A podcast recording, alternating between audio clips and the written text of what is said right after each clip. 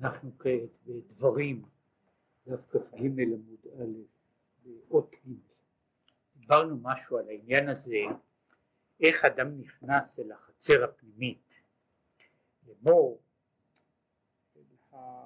היחס ואל הדבקות לקדוש ברוך הוא. דיברנו על העניין הזה של, של קריאת שמע, תפילה וכיוצא בזה, לאחר מכן הוא אמר שכדי שאותה דבקות שהייתה לו, כבר אמרתי, ההנחה הייתה ש... מה זאת אומרת שבן אדם לא יגיע לאיזושהי דבקות בתפילה, כן, הוא, אה, ש, שמישהו כזה שיתפלל ולא יודע מה הוא אומר, כן, ואחר כך אה, יחשוב אם יתפלל או לא יתפלל, ויצטרך להסתכל, לגברים יש לזה יתרון, מסתכלים אם יש עליהם עוד סימן של רצועות התפילין, ואז הוא יודע שהוא באמת התפלל, כן, אה, כן, אז, אה, אבל כדי שיישאר דבר של, דבר של כן, צריך לעסוק בתורה אחרי, אחרי התפילה, כדי שהדבר שה, הזה ייקבע בתורה שהיא בעצם דבר שנמצא מעבר לזה. בהמשך אך הנה יסוד התורה הוא מיוסד על מצוות עשה, מצוות לא תעשה הכתובים בה.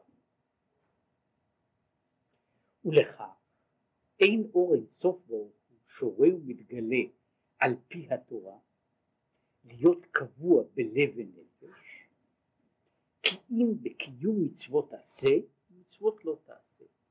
אם כן לימוד התורה איננו איזושהי סגולה, הרי בעצם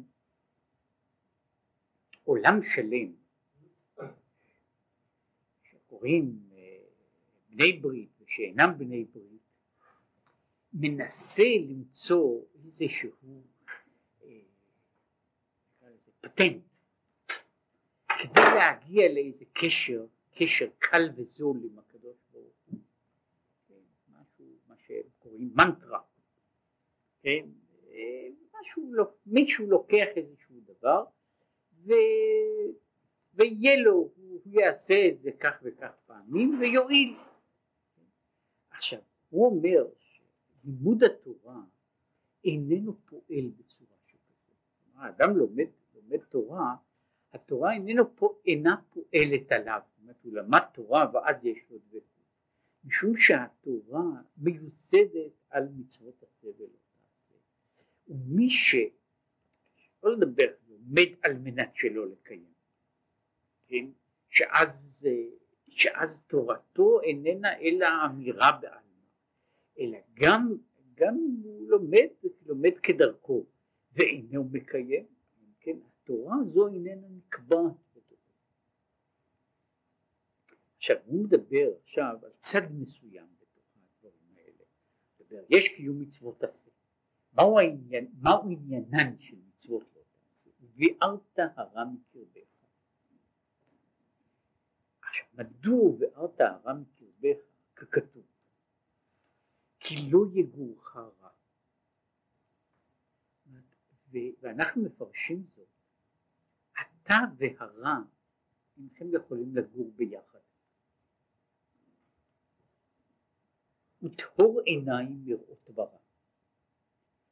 ואם לדבר בצורה פשוטה יותר, וכמשל המל, הבית, שרוצה להכניס שם את המלך, שצריך כיבוד וריחוץ, שיהיה מנוקה מכל, מכל דבר מלוכלך, שלא יימצא בו שום ניבול והשפעה. כן, אם אני רוצה להזמין את המלך הביתה, מן הסתם אני אנקה את הבית קודם לכן.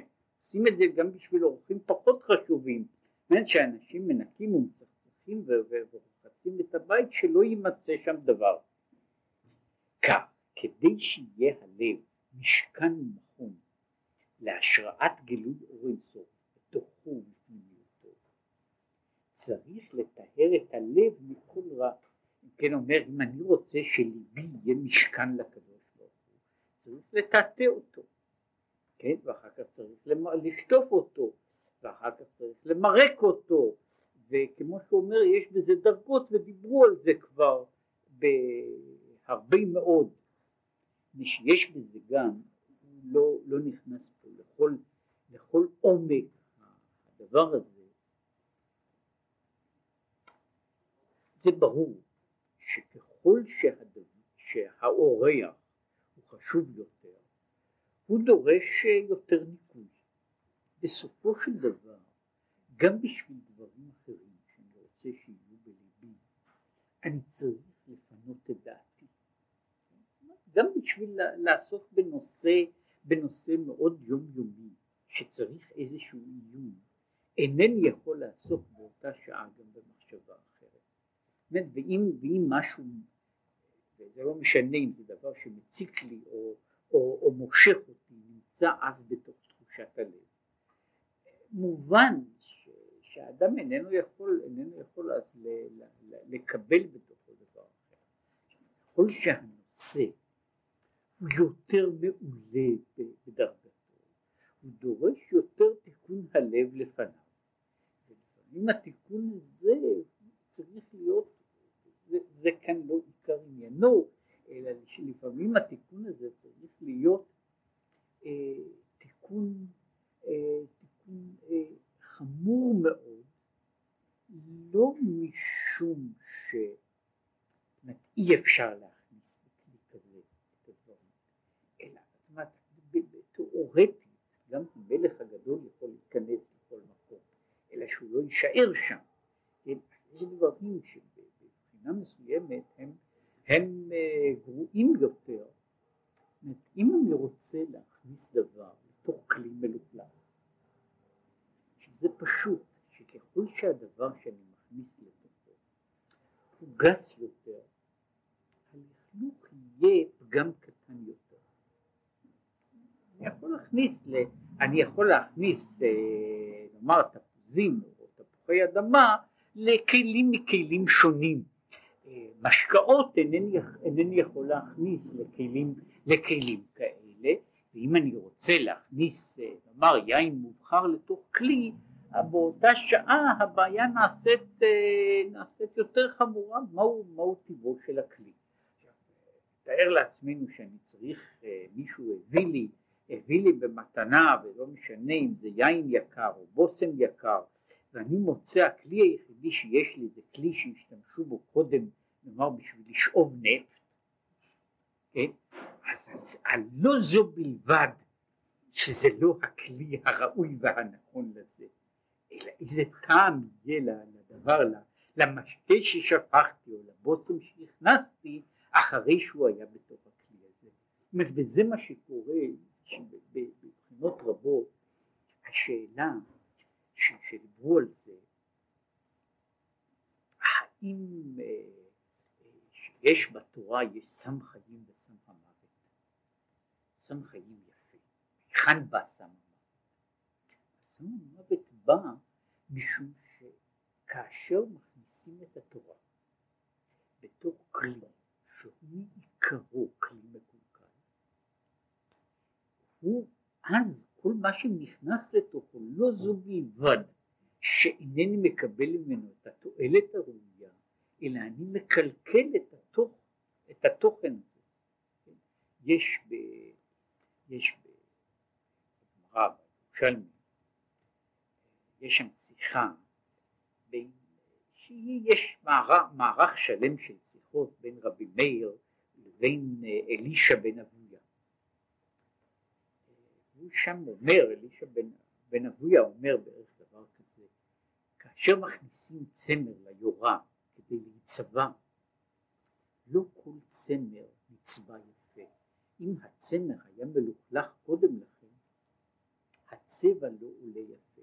והוא אז מספר סיפור שלם, הוא אומר שמתחילתו היה בו איזה פגם. זה חלק מסיפור אוטוביוגרפי, כן, שמתחילתו היה איזה פגם, והפגם הזה אחר כך גרם לכך שגם התורה, שהוא בה למעלות גדולות, גם היא הפכה בתוכו לאיזה סוג של המוות. לכן הוא אומר שצריך כדי שישכון אור אינסוף בתוך ליבו, צריך לטהר את הלב מכל רע. הן בסור מירה גמור, באיסור. אז קודם כל יש דברים, דברים שהם סור מרע לגבי דברים האסורים, שיש דברים האסורים שבוודאי הוא צריך לתקן, והן בכיבוש מידות רעות בנפש. נוסף לזה יש דברים שהם כשלעצמם, יש מה שקוראים, יש מערך שלם של הרהורי עבירה, שהם בוודאי רע גמור בדרגה זו ובדרגה אחרת, אבל יש דברים שהם רק תכונות מגונות שבנפש, שכשלעצמן הן לא איסור מוגדר, אומר כמו למשל, כמו כעס, אבל בן אדם שיש בו מידה, שהיא מידה רעה, שלא לדבר על, וזה לא משנה אם האיש הזה הוא עכשיו כל ימיו כועס, כן, בפירוש בוודאי בזמן שהוא עוסק עכשיו בדבקות הוא לא כועס, או בזמן שהוא עוסק בזה הוא לא, הוא לא, הוא לא, הוא לא מגלה את המידות המגונות האחרות, אבל המידה המגונה הזו היא פגם של הכלי, ולכן האור איננו יכול לשכון בתוך כלי פגום. שיש בזוהר שקודשא בריך הוא לא שרי באתר פנים. זה הכלל הזה, זה מה שיש באופן נקרא לזה סמלי, שיין של כוס של ברכה צריכה שטיפה והדחה לפני שמשתמשים בה. אני רוצה שתהיה כוס של ברכה היא צריכה קודם כל שישטפו אותה יפה יפה. זה מה שנאמר, ולא תטורו אחרי לבבכם ואחרי עיניכם אשר אתם זונים אחריהם. שקראם הכתוב בלשון זונים, כמו, ועכשיו הוא מדבר, מדוע הביטוי הזה, כמו זונה, שאסורה לבעלה אחרי אשר הוא טמאה. אז פה, פה מעביר את הרעיון הזה, אשר אתם זונים אחריהם, לא רק למשמעות הזו, מה קורה באותה שעה, בשעת עבירה, אלא הוא אומר שגם אחרי העבירה, גם אחרי העבירה, הסטייה הזו צריכה תיקון, כן? ויש דברים ש, שאי אפשר או כמעט שאי אפשר לתקן אותם, גם כאשר היו בעבר. ולכן אמרו חז"ל, כל האומר אין לי אלא תורה הוא יושב ולומד, עוסק בתורה. אפילו תורה. כי התורה בבחינה זו, אשר אינה בטהרת הלב, נקראת בחינת תרא לדרתא, שהוא למטה ממדרגת היראה. זאת הדרגה הזו של תורה שאין עם הדבר, היא, היא אפילו היא שער לחצר שאין לו. אומרת, יש לי, יש לי צרור שלם של מפתחות שאינם פותחים שום דבר. תורה כזו איננה פתח לשום דבר אחר. וזה מה שיש בפסוק, כי תשמע בקול השם אלוקיך, לשמור את כל מצוותיו. זהו לשמור את כל מצוותיו. את פירושו כמו אם, שיש בשימוש הלשון, מביא דוגמה, כמו הולך את חכמים יחכם, שפירושו הולך עם חכמים. דהיינו, שאם המצוות תהיה בחינת שמירה לבחינת המשכת אשר אנוכי מצווך היום, הנמשכת על ידי התורה, להיות לה שמירה וקיום בלב בל תמות עולם ועד. זהו עניינה של מה שקוראים לזה לשמור את כל מצוותיו. זאת אומרת, לשמור את כל מצוותיו אומר שלשמור את כל מצוותיו הוא דבר שהולך לא רק כהמשך, אלא גם כ, כהתייחסות. אם אני רוצה לשמור את, את כי תשמע בקול השם, בקול השם אם אני רוצה לשמור את, ה, את הקול, אני צריך לעשות את זה יחד עם שמירה. ש, שהמצווה היא בעצמה השמירה לאותו למבנה הזה שאני מדבר בו על העניין הזה של החזקת הלב, החזקה בלב של, של קדושה של מעלה. כי הנה, במצוות יש שתי בחינות. כי המצוות הן, מצוות עשה, מצד אחד הם רמ"ח איברים, הממשיכים החיות של הנפש. זהו צד אחד במצווה, ואז אני רואה את המצווה בתור עבר, כמו שאמרנו, כמו דרך של התבטאות של מעלה, שעל ידה חיות הנפש מבטאה את עצמה. הצד השני שהם כלים לאור הנאחז ודולק שם, שמבלעדי השמן והפתילה אין האור מאיר כלל. צריך שיהיה, צריך שיהיה, כדי שיהיה, כמו שאומר זה נר השם נשמת אדם, כדי שיהיה אור, צריך לאור הזה, האור זקוק לשלושה תנאים בכלי הזה של השמן, הוא זקוק לכלי, הוא זקוק לשמן, הוא זקוק לפתילה, ואז אפשר להדליק אור, ובהיעדר אחד מהם אי אפשר להדליק את האור. עכשיו בבחינה הזו וכן כמו שמבלעדי השמן והפתילה אין האור מכלל וכן מבלעדי המנורה יישפך השמן ולא יומשך אחר הפתילה, הפתילה ויסתלק האור והוא מדבר כמה וכמה צדדים מה הם בתוך המרכיבים הללו הפתילה והשמן והכלי. ולכן הוא אומר שאף על פי שלכאורה הנר דולק מכוח השמן והפתילה אבל הוא זקוק גם לכלי משום שלולא זה השמן לא יישאר במקום. ולכן יש, יש יחס הדדי בין שלושת אלה כדי שתוכל להיות בעירה.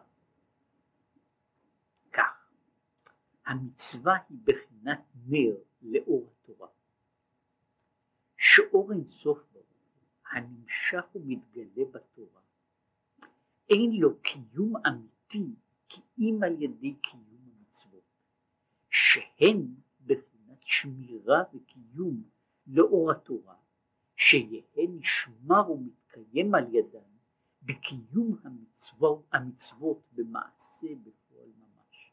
כן המצווה היא בבחינה זו מעבר למהותה כמצווה. הוא דיבר על זה, אמר, לכן הוא דיבר שיש במצוות שתי בחינות. יש צד אחד שאני מדבר על המצווה כמצווה. זאת אומרת המצווה כמהות לעצמה.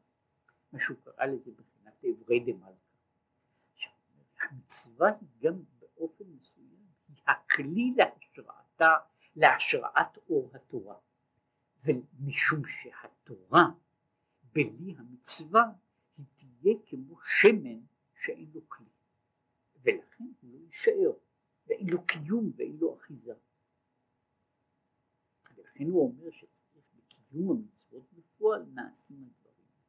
ועל זה נאמר, והיה מעשה הצדקה שלו. עכשיו הוא אומר, מעשה דווקא. מעשה הצדקה, מעשה דווקא. שצדקה, זוהי הערה שמופיעה בכמה מקומות. צדקה היא כללית המצוות ולכן נקראת בהרבה מקומות בשם מצווה סתם. וזה נכון בהרבה מאוד מקורות של המוראים והלאה שמדברים על מישהו שהוא עוסק במצוות או, או עסק במצווה הכוונה היא במה ששייך למצוות צדקה. כן? זו נקראת מצווה ויש בכמה וכמה מקומות הוא מסביר את, ה, את העניין הזה וגם פה הוא רומז משהו מדוע אנחנו קוראים לכל המצוות צדקה. מדוע הצדקה היא כאילו הסמל לכל המצוות. גם בתוך החלוקה, החלוקה המשולשת של תורה ועבודה וגמילות חסדים, אנחנו אומרים שתורה, תורה, עבודה היא עבודת המקדש, או כנגדה כנגדה עבודת התפילה, וגמילות חסדים היא הכללות של כל המצוות. וכמו שכתוב בנחמיה, והעמדנו עלינו מצוות, ותכף מיד הוא מפרט, לתת מחצי שלישית השקל.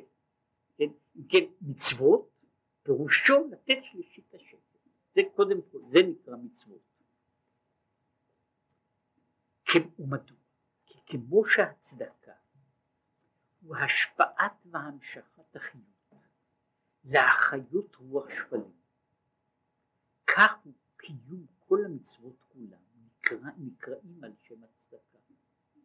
וכתיב בצדקה תיקונה. כן הוא אומר, מהי בעצם צדקה? צדקה בצורה הכי כוללת שלה היא שנותנים למי שאין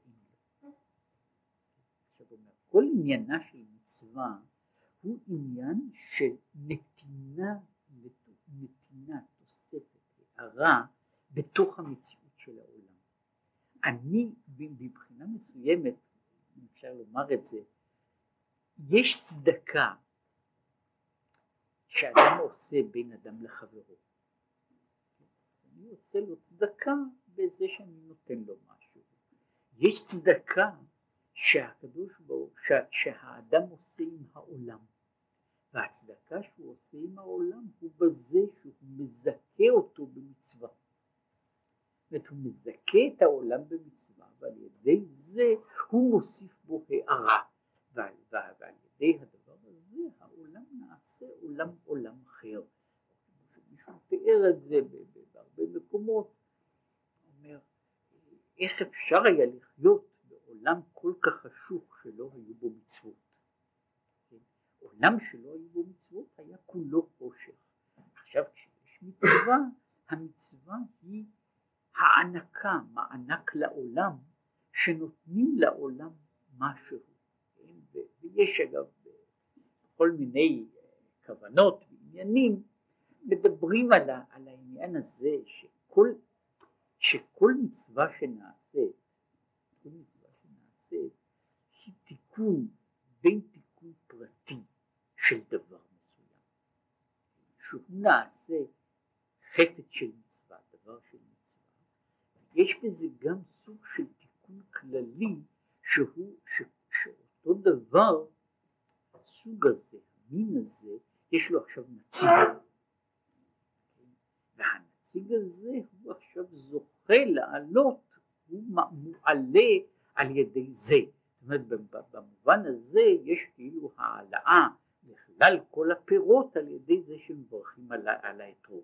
באמת זוהי העלייה של כל, של כל, כל מיני הפירות כולם כאשר אני מברך על האתרוג או שאני, ושאני מנענע נאמר את עץ הפרי או עץ, עץ כזה שאינו עושה פרי אני מתקן לא רק את הערבה אלא אני מתקן את כל מה שקוראים לזה אז ירננו כל עצי יער כן יש מעין זה במדרש אחר הוא אומר על זה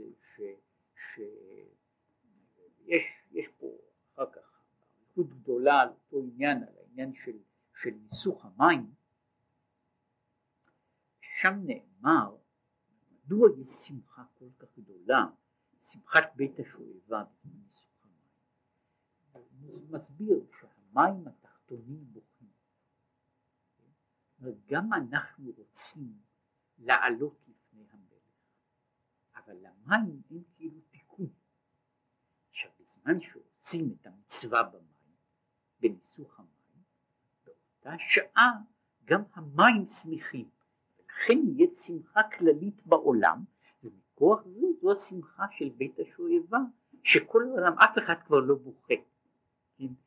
בימים הללו אף אחד לא בוכה, ושגם למים יש תיקון.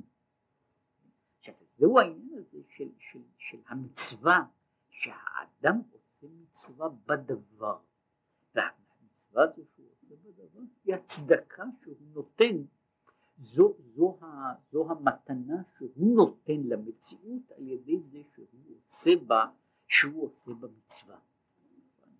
סיפרתי את זה, התיאור שהוא נראה מצד אחד מדהים, כן, וזה היה נכון במציאות, שה, שהשוחט לא יודע מה, מה עושים שוחטים כעת, בוודאי, בוודאי פרופסיונליים כמו, כמו שאר בעלי המלאכה, כן, עובדים, עובדים משמונה עד שלוש ומשתדלים לעבוד מה שפחות, אבל המהות דיברו על השוחט, מעניין, דווקא במקומות ש... ש... הבעיה הייתה, לא תמיד הייתה רק בעיית מה שקוראים לזה הכשרות, כן, מבחינה מסוימת שחיטה היא אחת המצוות שמבחינה פורמלית, כמו שכתוב, הכל שוחטים, זה כולל חירש שוטה וקטן, אם יש מישהו שמשגיח עליהם, כך ששחיטה, ששחיטה מצד זה מבחינה פורמלית היא, עבודה שצריכה להיעשות כראוי, אבל התפיסה הייתה של השחיטה, שהשחיטה היא מצווה שאני עושה בבעל חיים. וכשאני עושה בו מצווה, אני בעצם מתקן אותו, אני מעלה אותו, והוא צריך לתת תודה על זה, ש, על זה שעושים בו מצווה.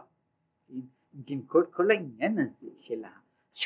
כדי שאדם יהיה במדרגה הזו, כדי שאדם יהיה במדרגה הזו, צריך בכל זאת להיות בעל מדרגה. יש מישהו פעם אמר על זה, שאדם שהיה נידון בבית דין של ישראל למיטת בית דין, היה צריך לעשות חגיגה.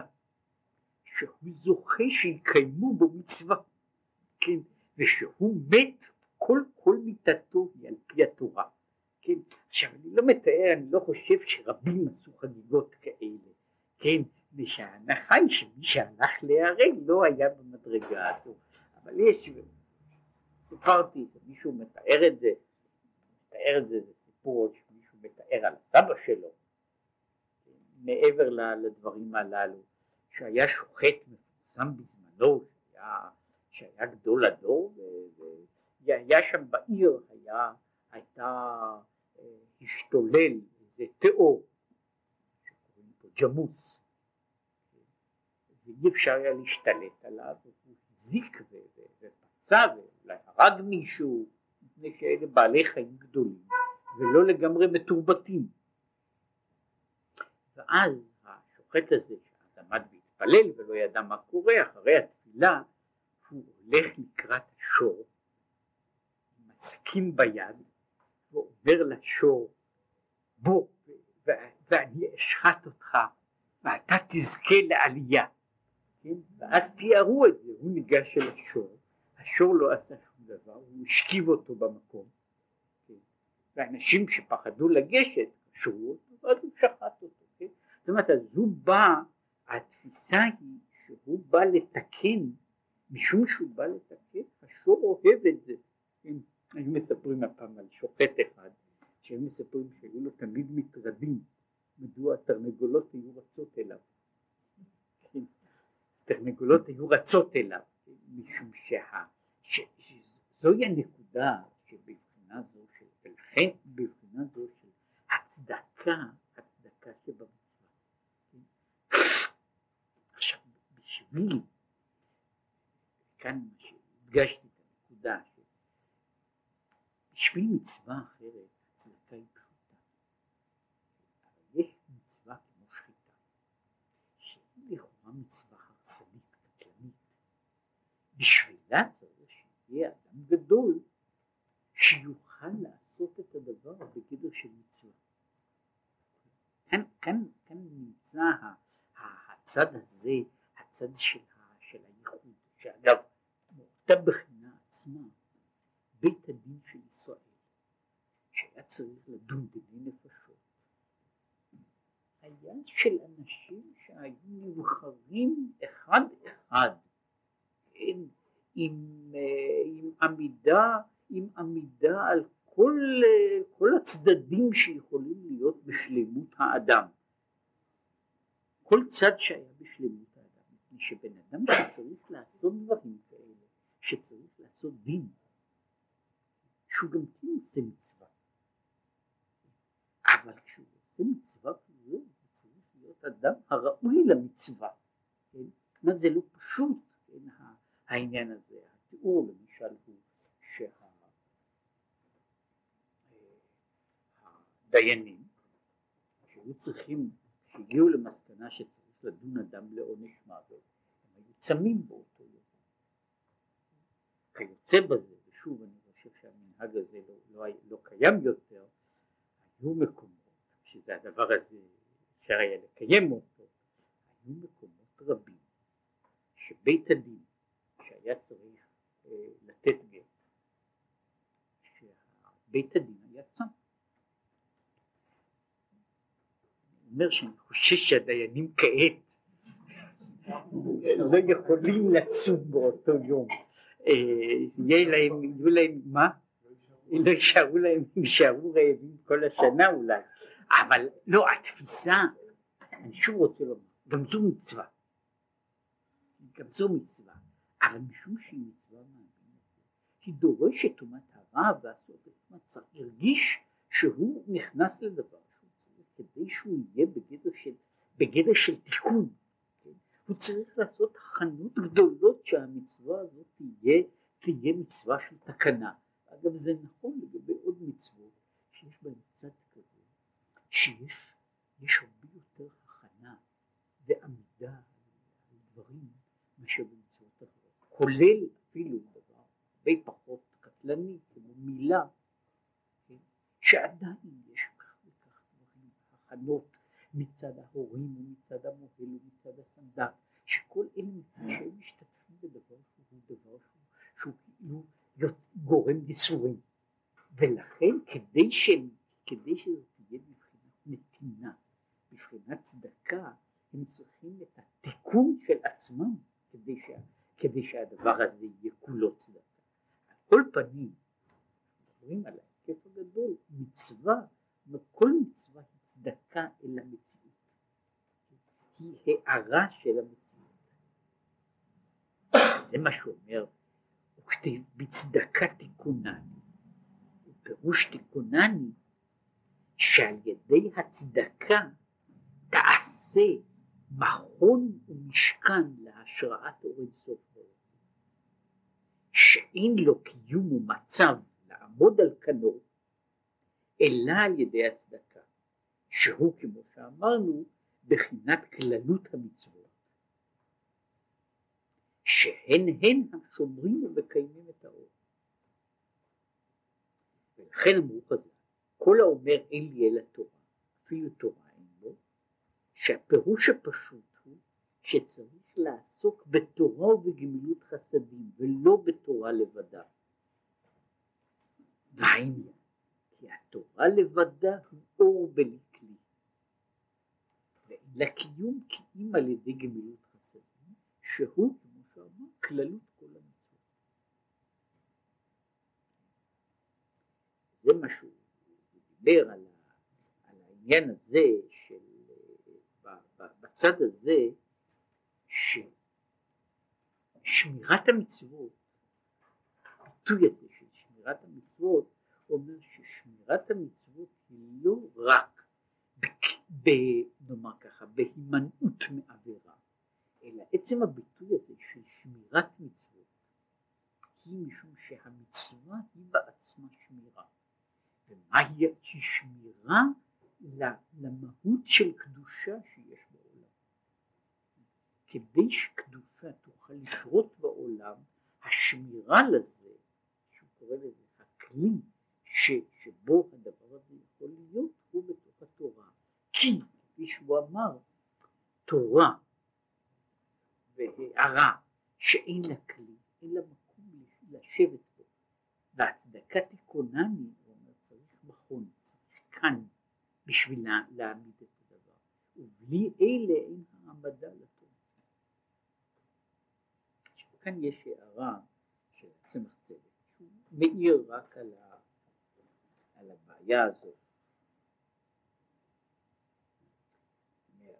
עיין במה שהוא אומר במקום אחר, והוא אומר, אמנם לעיל, בפרשת על פסוק אחרי הוויה אלוקיכם תלכו, שמה הוא אומר באופן לגמרי, כמעט הפוך, שאומר שעל ידי התורה הוא השמירה לנר מצווה. יש גם צד אחר, ושם הוא אומר, שם בפסוק מדובר על זה שיש נר מצווה, כדי שהנר הזה לא יכבה לעשות לו שמירה. והשמירה הזו נעשית על ידי התורה. ולפי זה היה אפשר לפרש כאן את הפסוק כפשוטו, כי תשמע בקול השם אלוקיך, שהוא בחינת תורה, שעל ידי זה יומשך לשמור את כל מצוותיו, שהתורה היא השמירה לנר מצוות, שבעים פנים לתורה, כן, אז הוא אומר, והוא לא, שוב, אפשר יהיה להיכנס בתוך העניין הזה בהרחבה, וכמו שהוא מיד נכנס פה, להסביר שלא, יש צדדים, מיד יצטט אותם, שאנחנו אומרים שיש הבדל מסוים בבחינה של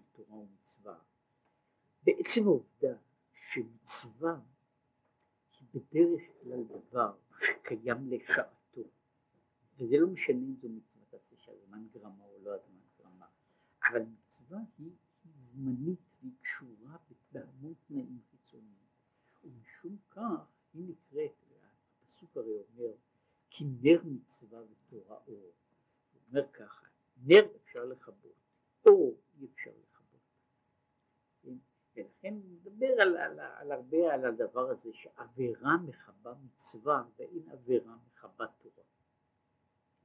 וכאן יוצא שהתורה היא כאילו דבר שנשמר יותר מאשר מאשר המצווה. הוא נכנס גם קצת לעניין הזה. זאת גם כי פירוש השמירה הנזכר כאן רוצה לומר שלא יסתלק האור לשורשו וזהו על ידי הכלים דווקא. כמו שנתבהר. כן. ולאל רוצה לומר השמירה מבחינת עבירה מכבה מצווה.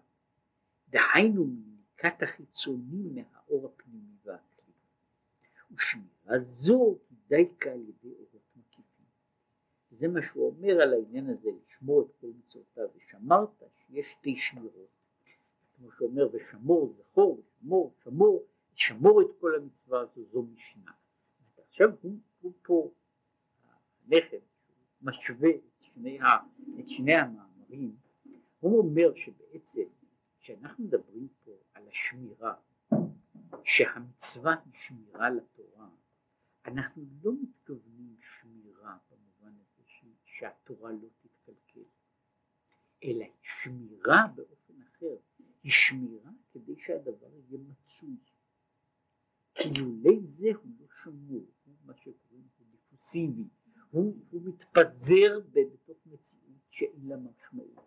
וזה המאמר שהוא מצטט שם קיבלו היהודים ועוד כמה מאמרים שבהם הוא מדבר שיש ין מלכות רב ביד המלך וכלים מכלים שונים. בלי הכלים אין ליין המלכות מקום להישאר. זו הבעיה, הזכרתי אותה, שאין אדם כמעט שאיננו זוכה בשלב מסוים של חייו לאיזושהי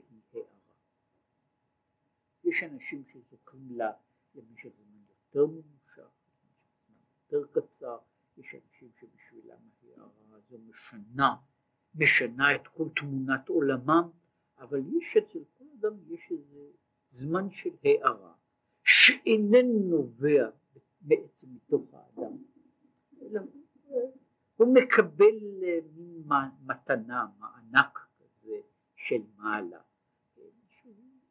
האור זורח עליו. עכשיו הבעיה בדברים הללו בדרך כלל בעיית הכלים כלים שונים. משום שקורה, כל מי שעבר חוויה כזו יודע אותה, יש רגעים ושעות חודשים של הערה, ואז בן אדם חושב שזה אני. עכשיו הוא איננו יודע שזוהי מין הענקה. וכשהיא מסתלקת הוא נשאר במקום שהיה ולפעמים לפעמים בהרגשה הרבה יותר גרועה ממה שהיה קודם לכן. כמו שקורה שאור פתאום מסתלק. זאת הרגשה של חשיכה נוראה הרבה יותר ממה שהייתה קודם לכן. עכשיו הנקודה הזו של הסתלקות האור בעיה, בעיה, בעיה כללית. עכשיו כדי שהדבר לא יעבור לריק, הוא דורש לעשות לו כלי. וכאשר אדם עושה כלי הרי משהו נשאר. וכאשר אין לדבר הזה כלי, שום דבר לא נשאר. מבחינה מסוימת הנקודה של ההערה דורשת, בעצם מהותה, דורשת שהאדם לא יישאר רק בה, באופן הפסיבי של זה שמקבל. יש פסיביות של זה שמקבל איזושהי הערה. יש, אה, יש, יש אנשים שונים בזה, שוב, זה, זה קורה הערות כאלה בדרגות אחרות, אה, נמצאות גם במקרים אחרים. אין כמעט אדם שאין לו איזה סוג של, של, של ריתמוס פנימי, של עלייה וירידה. יש אנשים שאצלם זה קיצוני מאוד, חולני, של עליות, עליות וירידות אה, גדולות מאוד. עכשיו, אחת הבעיות היא, מה עושה, אדם בשעת עלייה? עכשיו, יש אנשים שבשעת עלייה הם במצב רוח טוב. והם לפעמים משתוללים. עכשיו, אבל מצד אחר, באותה שעה מרגיש כאילו יש לו כפליים כוח מאשר בזמן אחר, ופעמים שיש לו, אלא שכרגיל הוא איננו מנצל אותו לשום דבר.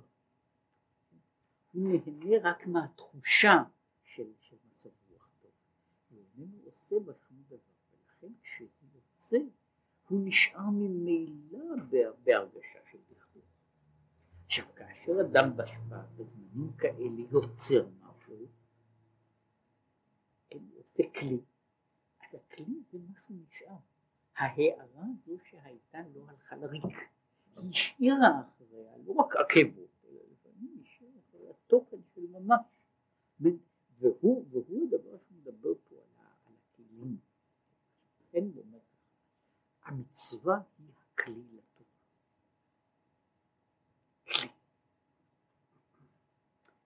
בשביל, לשם כך זקוקים לעשות כלי. יש צד אחר שהוא שייך לשמור את המצווה באופן אחר, משום שהמצווה יכולה להיפגם.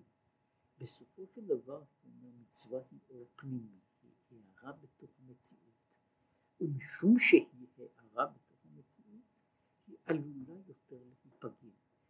לצורך זה יש שמירה שהתורה מגוננת על המצוות. מה, יש פה, יש פה צד שמבחינה של ההגנה מפני קלקול, התורה היא שמירה של המצווה. לצורך הקיום המצווה היא, היא, היא הכלי ששומר בתוכו שומר בתוכו את התורה. יש פה להבדיל בסוג של סימביוזה, כן, בין, ה, בין התורה והמצווה, כן, שיש פה, יש פה ה, ה, להבדיל, אני נורא מצטער, דימויים, דימויים בפירוש לא יפים, מה, מה אני יכול לעשות? אה, יש סוג של, יש סוג של, של סרטנים נמצאים, יש להם, נמצאים, נמצאים בתוך, בתוך, בתוך קליפה מסוימת, שהם נוהגים להדביק על עצמם שושני מים.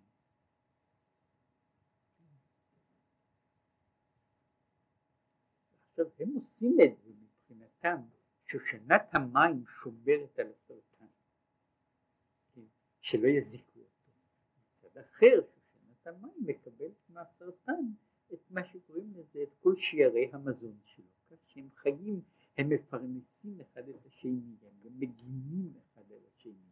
שבמובן הזה שהוא מדבר על, על, על, על האור, על האור והנר, על האור והנר, יש, יש צד מסוים, אם הייתי מעמיד את אני עושה מדורה, עושה אור גדול, אש גדולה בתוך כלי. בשעה שנוצרת אש גדולה בתוך כלי, יש אז אותו סוג של דו-קיום. מצד אחד, ללא בכלי, האש לא הייתה יכולה לבעור. מצד שני, האש שומרת שלא יגעו בכלי. זהו הצד.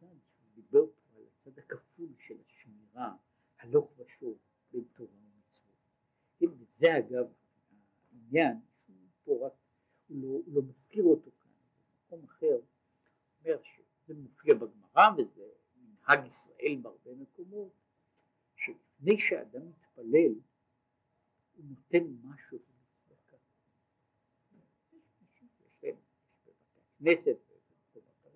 יש קופות של צדקה, שאדם לפני התפילה נותן צדקה.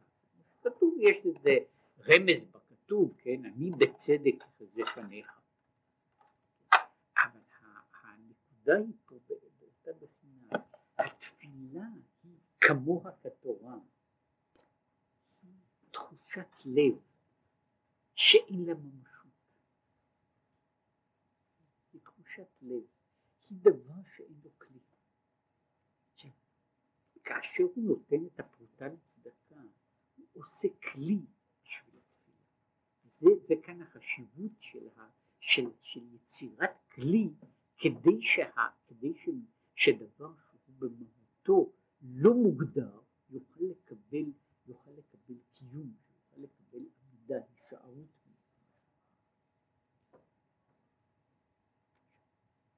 ובזה יובן מה שכתוב. ירמיהו. אומר אל יתהלל לעשיר באושרו, אל יתהלל חכם בחוכמתו, הגיבור בגבורתו. על דעת אלוקים, השכיל וידוע אותי.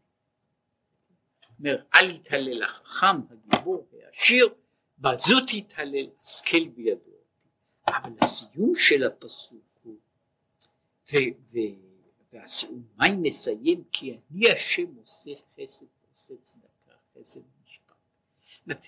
לכאורה הסיום אנחנו היינו מצפים לסיום כי אני השם מלך גדול כי אני השם בורא העולם כי אני השם יוצר כל. זה היה אולי יותר מתאים לזה. כשהוא מדבר השכל וידו כי אני השם עושה צדקה. מה, מה הקשר? אומרת, יש פה לכאורה חוסר פרופורציה בין שני החלקים. אך אם הנזכר לאל יובן, כי השכל וידוע אותי, פירוש אותי ממש, הוא אור אינסוף ממש, עצמותו ומהותו כבר יכול, המתגלה בתורה. זהו השכל וידוע אותי. אך אין זה קיום אמיתי כי אם על ידי עשיית חסד, משפט וצדקה, שהם בחינת כלים.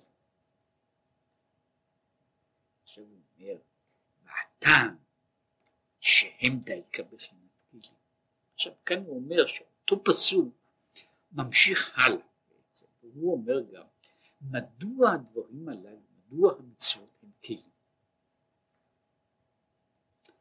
הטעם שהם דייקה בחינת כלים, מפרש הכתוב כי באלה חפצתי אנשים. כלומר ככה, אני השם עושה חסד משפט וצדקה בארץ, כי באלה חפצתי. עכשיו הוא מסביר כלום. שכך עלה ברצונו יתברך להיות המצוות דווקא בחינת כלים לגילוי אור אינסוף אשר אנוכי מצווך היום. כן, באלה חפצתי, זהו רצוני.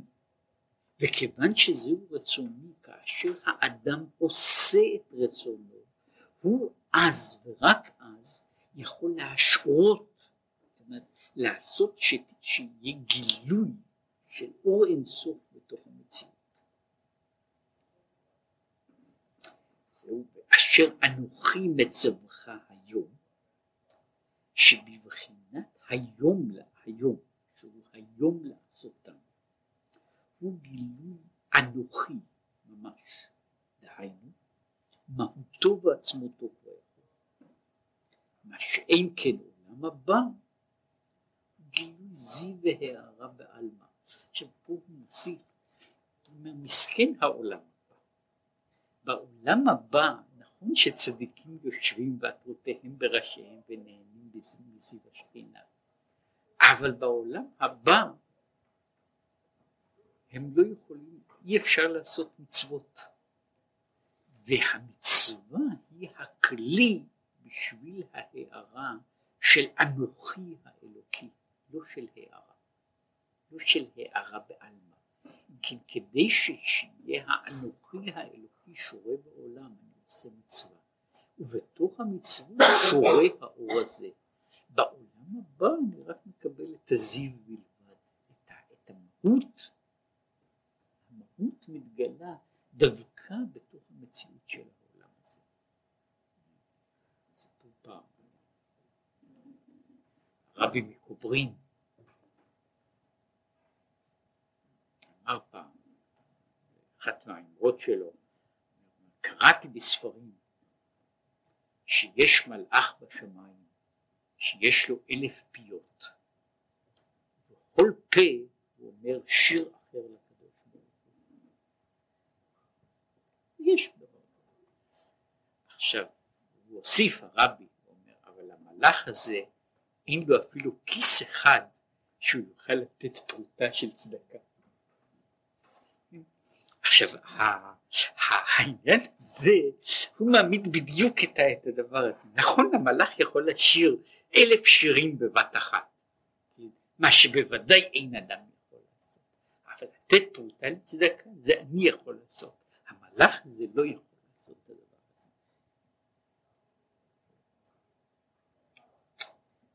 וזה יובן מה שכתוב.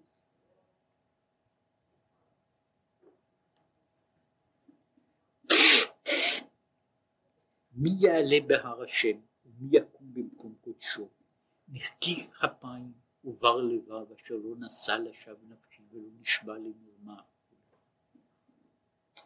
שלא כל האדם זוכה לעולם הבא לעלות בהר השם כי אם על ידי ייסורים של גיהנום נהר דינור אומר בשביל לעלות בהר השם כל ישראל יש להם חלק לעולם הבא. נכון, יש להם חלק, אבל זה לא אומר שהם מקבלים את החלק הזה מיד. אנשים חושבים, זה, זה מה שקורה, אנשים חושבים שבשביל לזכות לחיי העולם הבא מספיק לו שיעשה דבר אחד, שימות. כן? אז הוא אומר שמיתה, שמיתה היא לא, היא לא, היא תנאי כלומר ככה, אולי, אולי תנאי הכרחי, אבל לא תנאי מספיק בשביל לזכות לחיי העולם הבא. עכשיו, כדי לזכות העולם הבא, כתוב מי יעלה בהר השם, מי יקום נקי אפיים ובר לבב. עכשיו, מי עכשיו להתחיל לנקות אותו, כן? ועד שלא גומרים לנקות אותו, עד שלא גומרים לנקות אותו הוא לא יכול לעלות להר השם, לא נותנים שם למלוכלכים להיכנס, כן? אומר ולכן הוא עובר את הגיהנום ונהר דינור וכך הלאה כדי פשוט לשטוף אותו, זה, זה כל התיאור שם הוא שצריך, אה, שצריך, זאת אומרת הייתה נשמה שהתלכלכה פה בעולם הזה, כן? אז מה נכון שיש לו חלק לעולם הבא, כן? אה, אה, היו מקומות כאלה להבדיל כן? שיש יש מקומות אפילו מכובדים בתוך העולם הזה? שדות טובות, בתי מלון גדולים, שאם בן אדם בא בלבוש מלוכלך, זה לא יועיל לו זה שהוא יגיד שהוא הזמין מקום, כן? יגידו לו שיחליף את הבגדים, כן? וזה מה שעושים לנשמה שהיא באה, והוא בא והוא אומר הרי אני יהודי וכל ישראל יש להם חלק לעולם הבא אז אומרים לו קודם תרחץ ואז אה, רוחצים ושוטפים וממרקים אותו עד שהוא, עד שהוא מה שקוראים לזה ששומר הפתח מופיע אגב באמת בגמרא בתוך הקשר הזה של גם כן של אלישע בן אבויה כן ששומר הפתח ייתן לו להיכנס כן? יש גם שם משגיח שהוא משגיח ש, שאנשים לא רצויים לא ייכנסו פנימה ואז צריך ללכת להתרחץ. כמה זמן זה, זה תלוי, זה תלוי לפי, לפי מעשיו בעולם הזה ולפי נשמתו. עכשיו, כמאמר חז"ל, שלוש מתנות טובות נתן הקדוש ברוך הוא לישראל, וכולם לא ניתנו אלא על ידי ייסורים. עולם הבא, תורה וארץ ישראל. זה, זה אפשר לקבל את שלושת אלה מקבלים רק על ידי ייסורים. נכון שיש אנשים שבזה אגב לזה מופיע, זה מופיע בדיוק הביטוי וזה התוספות אומרים במקום אחד שהביטוי שפלוני מזומן לחיי העולם הבא איננו זהה לביטוי פלוני יש לו חלק לעולם מזומן לעולם הבא פירושו שהוא יכול הוא, שהוא יכול ישר להיכנס כן? עכשיו מי אמרו את זה? אנשים בודדים. על, אנשים כמו החוגי מלכות. על אנשים כמו, כמו, כמו אלה שעשו תשובה גדולה ונוראה בחייהם אז אמרו שהאיש הזה מזומן לחיי העולם הבא. זאת הוא יכול להיכנס הוא יכול להיכנס ישר. סתם אדם צריך מעכבים אותו עכשיו הוא אומר לך בייסורי עולם הבא הם כפל כפליים מייסורי עולם הזה עד שאין ערך אומר כדי שבן אדם יבין את זה אומר אם יש ייסורי, ייסורי ארץ ישראל כן? אז אומר ייסורי ארץ ישראל הם ייסורים קטנים בסך הכל אנשים נהרגים ונפצעים וחיים פה כמה שחיים כדי להגיע לעולם הבא צריך לסבול ייסורים יותר גדולים. עכשיו, ולכאורה אינו מובן. שהרי אמרו יפת שעה אחת בתשובה ומעשים טובים בעולם הזה מכל חיי העולם הבא. ולמה בעולם הזה יכול להיות בתשובה ומעשים טובים? ואין צורך ייסורים כל כך כמו לחיי העולם הבא. אם העולם הזה יותר חשוב, מדוע בעולם הזה בשביל לעשות מצווה כלשהי, בשביל לעשות, בשביל לעסוק בדברים האלה, הוא לא צריך את כל הייסורים הללו בשביל, בכדי להיכנס לעולם הבא. הוא אומר, זה לא, לא כל אחד נכנס, אלא אם כן עבר את כל הייסורים, וכך שדיברו על זה, די מאוד, הנושא ש... ש ההגדרה של, של, של הגיהנום איננה בבחינה של עונש, אלא היא עניין של ניקוי. כדי שאדם יוכל להיכנס לעולם הבא הוא צריך ניקוי, וככל שהוא צריך לעלות במעלות עולם הבא, הוא צריך שוב שינקו אותו, והוא שוב צריך לעשות הכנה אחר הכנה כדי שהוא יוכל, יוכל להגיע למדרגה, למדרגה גבוהה יותר. מדוע בעולם הזה אדם יכול לעשות את המעשים הטובים שלו בלי הקדמת הייסורים הללו.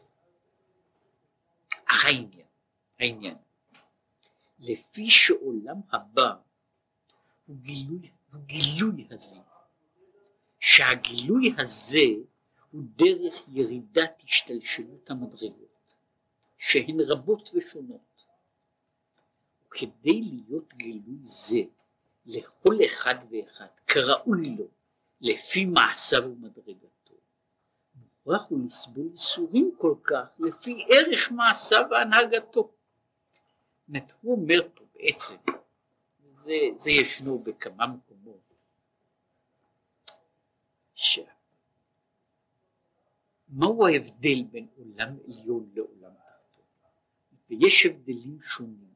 אחד ההבדלים שהוא מכריע בו הבחינות הללו הוא שהעולם העליון הוא במהותו עולם מסודר. עולם שיש בו סדר פנימי מהותי. ומשום שהוא עולם מסודר, בתוך עולם מסודר יש צד, צד כזה שאינני יכול להגיע לאיזושהי נקודה בלי שאעבור את כל התנאים המתאימים כדי להגיע לשם. שזהו הכלל של כל סדר, שסדר כשם שהוא מצד אחד מקל על דברים, סדר גם יוצר תנאים, אומרת יש בעולם מסודר יש תנאי קבלה, בעולם מסודר אינני יכול להגיע למדרגה אלא אם כן עברתי את השלבים הראויים ויכולתי להגיע לשם. העולם הזה חלק ממהותו היא שהוא עולם שבו הכל נמצא מסודר. משום כך בעולם הזה החציצה בין דברים איננה חמורה כל כך, ומשום כך גם ניתן לעבור מדבר לדבר בעולם הזה, שלא בדרך שבה עוברים בעולם הבא. בעולם הזה, שהוא גילוי אנוכי ממש, הנה עליו התברכתי, נאמר, גם חושך לא יחשיך ממך, וחשיכה כאורה, וקרוב השם לכל קוריו, לכל אשר יצאו באמת. כי הוא השווה ומשווה קטון וגדול. ולכן הוא אומר, הוא אומר, יש פה כאילו צד של פרדוקס. העולם הבא הוא עולם של גילוי האור. בעולם הבא יש סדר. בעולם הזה זה עולם של גילוי העצמות. ולכן בתוך העולם הזה הכל בעצם הוא שווה ומשווה קטן וגדול, כחשיכה כאורה, החושך והאור שווים, ולכן בעולם הזה יכול אדם לעבור את כל המעברים בלא כלום, כן? בעולם הזה הוא יכול להגיע מנקודה אחת לנקודה אחרת, במהירות מאוד מאוד גדולה, מה שאין כן בתוך עולם עליון, יש משהו, תיארו אותו, יש, יש סיפור שלם של רבי נחמן שעוסק בנושא, סיפור קטן שעוסק בנושא דומה לזה, שהוא מתאר את זה. מהו ההבדל בין נקודות המרכז של מעגל ונקודות ההיקף שלו? ככל שהמעגל הוא יותר גדול, לשנות זווית, לשנות, לשנות זווית של מעלה אחת, הוא בתוך המרכז דבר של מה בכך. כדי לשנות מעלה אחת של מרחק בעיגול גדול, אני צריך ללכת מרחקים עצומים. בזמן שכשאני נמצא במרכז, אני יכול לעשות את כל התנועה כהרף עין. היום שהוא מתאר את זה, שכל מה שקורה בתוך, ב, ב, בעולם גבוה יותר, הוא עולם מופשט יותר, והוא עולם שבו המרחקים בין נקודה לנקודה הם גדולים יותר לאין ארוך. בעולם שלנו שבו הכל כאילו נמצא בתמצית, ולכן גם באי סדר גדול. המעבר מקצה לקצה הוא יכול להיעשות בתנועה קלה, בזמן שבדרגה גבוהה יותר, ככל שהדרגה גבוהה יותר, במובן הזה ככל שה, שאני עוסק בעיגול גדול יותר, המרחקים נעשים יותר ויותר גדולים, כן? לעבור, לשנות זווית של מעלה אחת כשאני נמצא בתוך חדר הוא דבר של מה בכך. לשנות לעבור זווית של מעלה אחת כשאני נמצא נאמר כשאני נמצא בחלל אני צריך לנסוע אלפי קילומטרים. וככל שאני רחוק יותר המרחקים נעשים כדי שתהיה להם משמעות המרחקים נעשים עצומים יותר ולכן הם דורשים את כל שלבי ההכנה הזאת.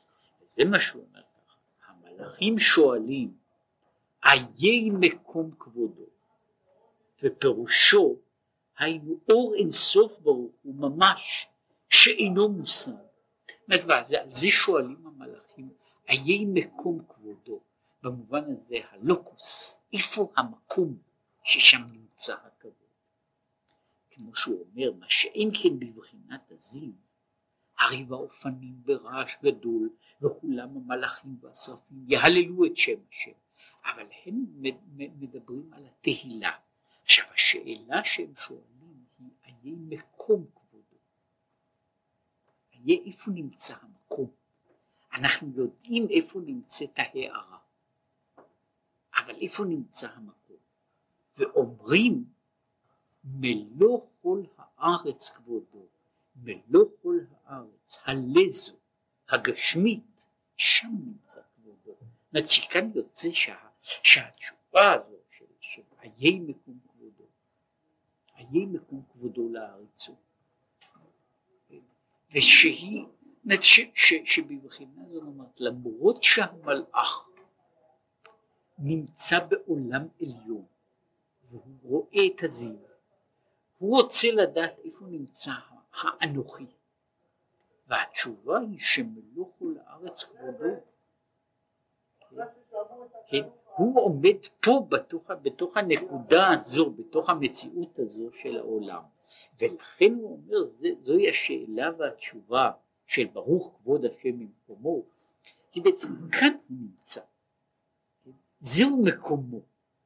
זהו מקומו, ולכן פה נמצא, פה, פה נמצאת, פה נמצאת המהות.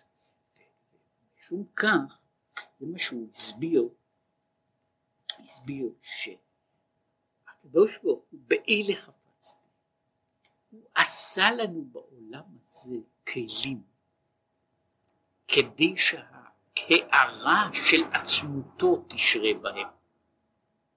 והכלים האלה הם הכלים של המצוות. ולכן, ורק בעולם הזה אנחנו יכולים לעשות אותם. עכשיו, כשאנחנו עושים את הכלי הזה בתוך העולם, אנחנו נמצאים אז סמוך וכוללים את ההערה של אינסוף. בשום עולם, גבוה ככל שיהיה, לעולם אין לנו את הדברים הללו. אז אף על פי שבעולם עליון יותר יש לנו השגה גבוהה יותר, ויש לנו עונג גדול יותר, אבל המהות נמצאת כאן. המהות נמצאת כאן. כל השאר, אה, ההערה נמצאת במקום אחר. המהות נמצאת כאן. וזה מה שהוא דיבר על העניין הזה של החשיבות של המצווה, של הביטוי של המצווה כמעשה המצווה היא הכלי להיות מכון לשבטך פעלת. כאן נמצא הקדוש ברוך הוא, כאן נמצא השם, הקדוש ברוך הוא נמצא בתוך המצווה. ולכן הוא אומר, כשאני עושה את הכלי הזה, שם אני מש, משרה את, ההערה, את, ה, את ההערה הזו, ולכן לסכם את זה, שהוא דיבר פה על שמירת המצווה, לשמור את כל מצוותיו, הוא מדבר פה שלשמור את כל מצוותיו איננו כמו שנראה הירידה מן המופשט אל הקונקרטי, אלא זה בעצם זו נקודה מסוימת של, של, של המשכה של המהות האלוקית, שאותה אני יכול בדרגה הכי גבוהה של דבקות. אני יכול אפילו לנגוע בה באיזושהי השקה בלבד. אני יכול להביא אותה לידי מימוש פה בתוך העולם הזה על ידי זה שאני עושה מצווה, שאני עושה למעשה את הכלים שבהם האור האלוקי שורה. בצד הזה הצד הזה שהוא מבחינה מסוימת היחס בין, ה, בין המופשט וה... לא רק הממשי. הממשי פה, זאת אומרת המוחשיות של העולם היא מגיעה פה לנקודה של ממשות של אלוקים. היא בבחינה הזו עומד לו בן אדם ויושב והוא באמת אינטליגנט, הוא מלומד כזה וכזה גדול. והוא עשה עכשיו תוכנית באופן תיאורטי היא יכולה, היא יכולה, אני עשיתי, בניתי את התוכנית של אווירון טוב יותר. יפה. עכשיו הבעיה היא שבתוכנית הזו אף אחד, כולל המתכנן בעצמו, לעומת זאת, הפועלים הללו שהם ירכיבו את כלי המתכת או את כלי העץ הזה, הם יכולים לטוס בתוכו. אומרת, כאן, כאן יש המצב הזה שבצד אחד יש נמצאת התיאוריה הגדולה, שהיא בבחינתה, בהפשטתה היא יותר גדולה, ובצד האחר שם נמצא לא רק הדבר שהוא מוחשי, זאת אומרת שה, שהמטוס שביד הוא הרבה יותר, המטוס הזה המכני הוא יותר מוחשי מאשר התוכניות והחישובים המתמטיים שבנו אותו, אלא יותר מזה, לא רק שהוא מוחשי, שהוא ניתן לחישה, הוא גם זה שעובד. כל השאר תיאוריה, וכתיאוריה הוא נעשה יותר ויותר מסובך, וזה כאן אותו דבר, כמו שאמרתי, מישהו פעם, איזה פיזיקאי פעם אמר את זה, אומר, מישהו היה צריך להיכנס לדלת, אחרי שהוא היה עושה את החישוב, חישוב של כל ההסתברויות שיש, איך נכנסים לדלת, כן, אז הוא היה נשאר בחוץ כל ימיו, כן, אלא מה? מכיוון שהוא לא צריך להיכנס מכוח ההסתברות, אלא הוא נכנס בגופו, לכן הוא יכול להיכנס שם. זאת הצד הזה שבכדי להגיע למדרגה עליונה, להבהיר דבר, לסדר דבר, זו, זו, זו, זו, זו מדרגה עליונה. ולכן היא דורשת את כל ההכנות. לכן, נאמר, אה, לכן גם חתול יכול לטוס באווירון. אבל הוא לעולם בשום דרגה הוא לא יבין את התוכניות שבנו אותו. עכשיו זה, זו הנקודה שבעולם עליון ששם נמצאות כל התוכניות דרגה אחר דרגה אני זקוק לכלים ולמכשירים ולמוכנות כדי להגיע אליו. בעולם הזה אני מגיע אל הממשות שבה יכול להיכנס כל מי שרק זה, זה צד אחד ש, שלא אומרים אותו בכל מיני מקומות, זה הצד האחד של לוס, כן, של החיוב, החיוב, היחס הפוזיטיבי אל המציאות הזו של העולם הגשמי. כן? המציאות של העולם הגשמי היא כוללת משום שהוא עולם לא מסודר. יש פה גם כל מיני גיהנום. שנמצאים בסמיכות. בתוך עולם עליון המרחק בין גן עדן וגיהנום הוא מקצה לקצה. בתוך העולם שלנו לפעמים אפשר ללכת, ללכת שני צעדים כדי לעבור מזה לזה. משום שהעולם איננו מתוחם, איננו, איננו, איננו, עשוי אה, בצורה של דירוג, תיחום אמיתי. בתוך העולם העליון יש כל נמצאים פה. אבל היתרון הוא שמשום כך כאן בתוך העולם הזה אני יכול להגיע עד לדרגות הגבוהות ביותר שלעולם לא אוכל להגיע אליהם במקום שבו הדברים נמצאים בתוך הדירוג ובתוך הסדר הנכון. כאן כעת בתוך היום לעשותם יש, יש פה המצב שכל אחד יכול להיכנס. רק לגמור באיזה מין דימוי שהוא בכל זאת לאחד, לאחד הדברים הללו, הוא דימוי שבקדושה, אחרי שדיברתי על אווירונים.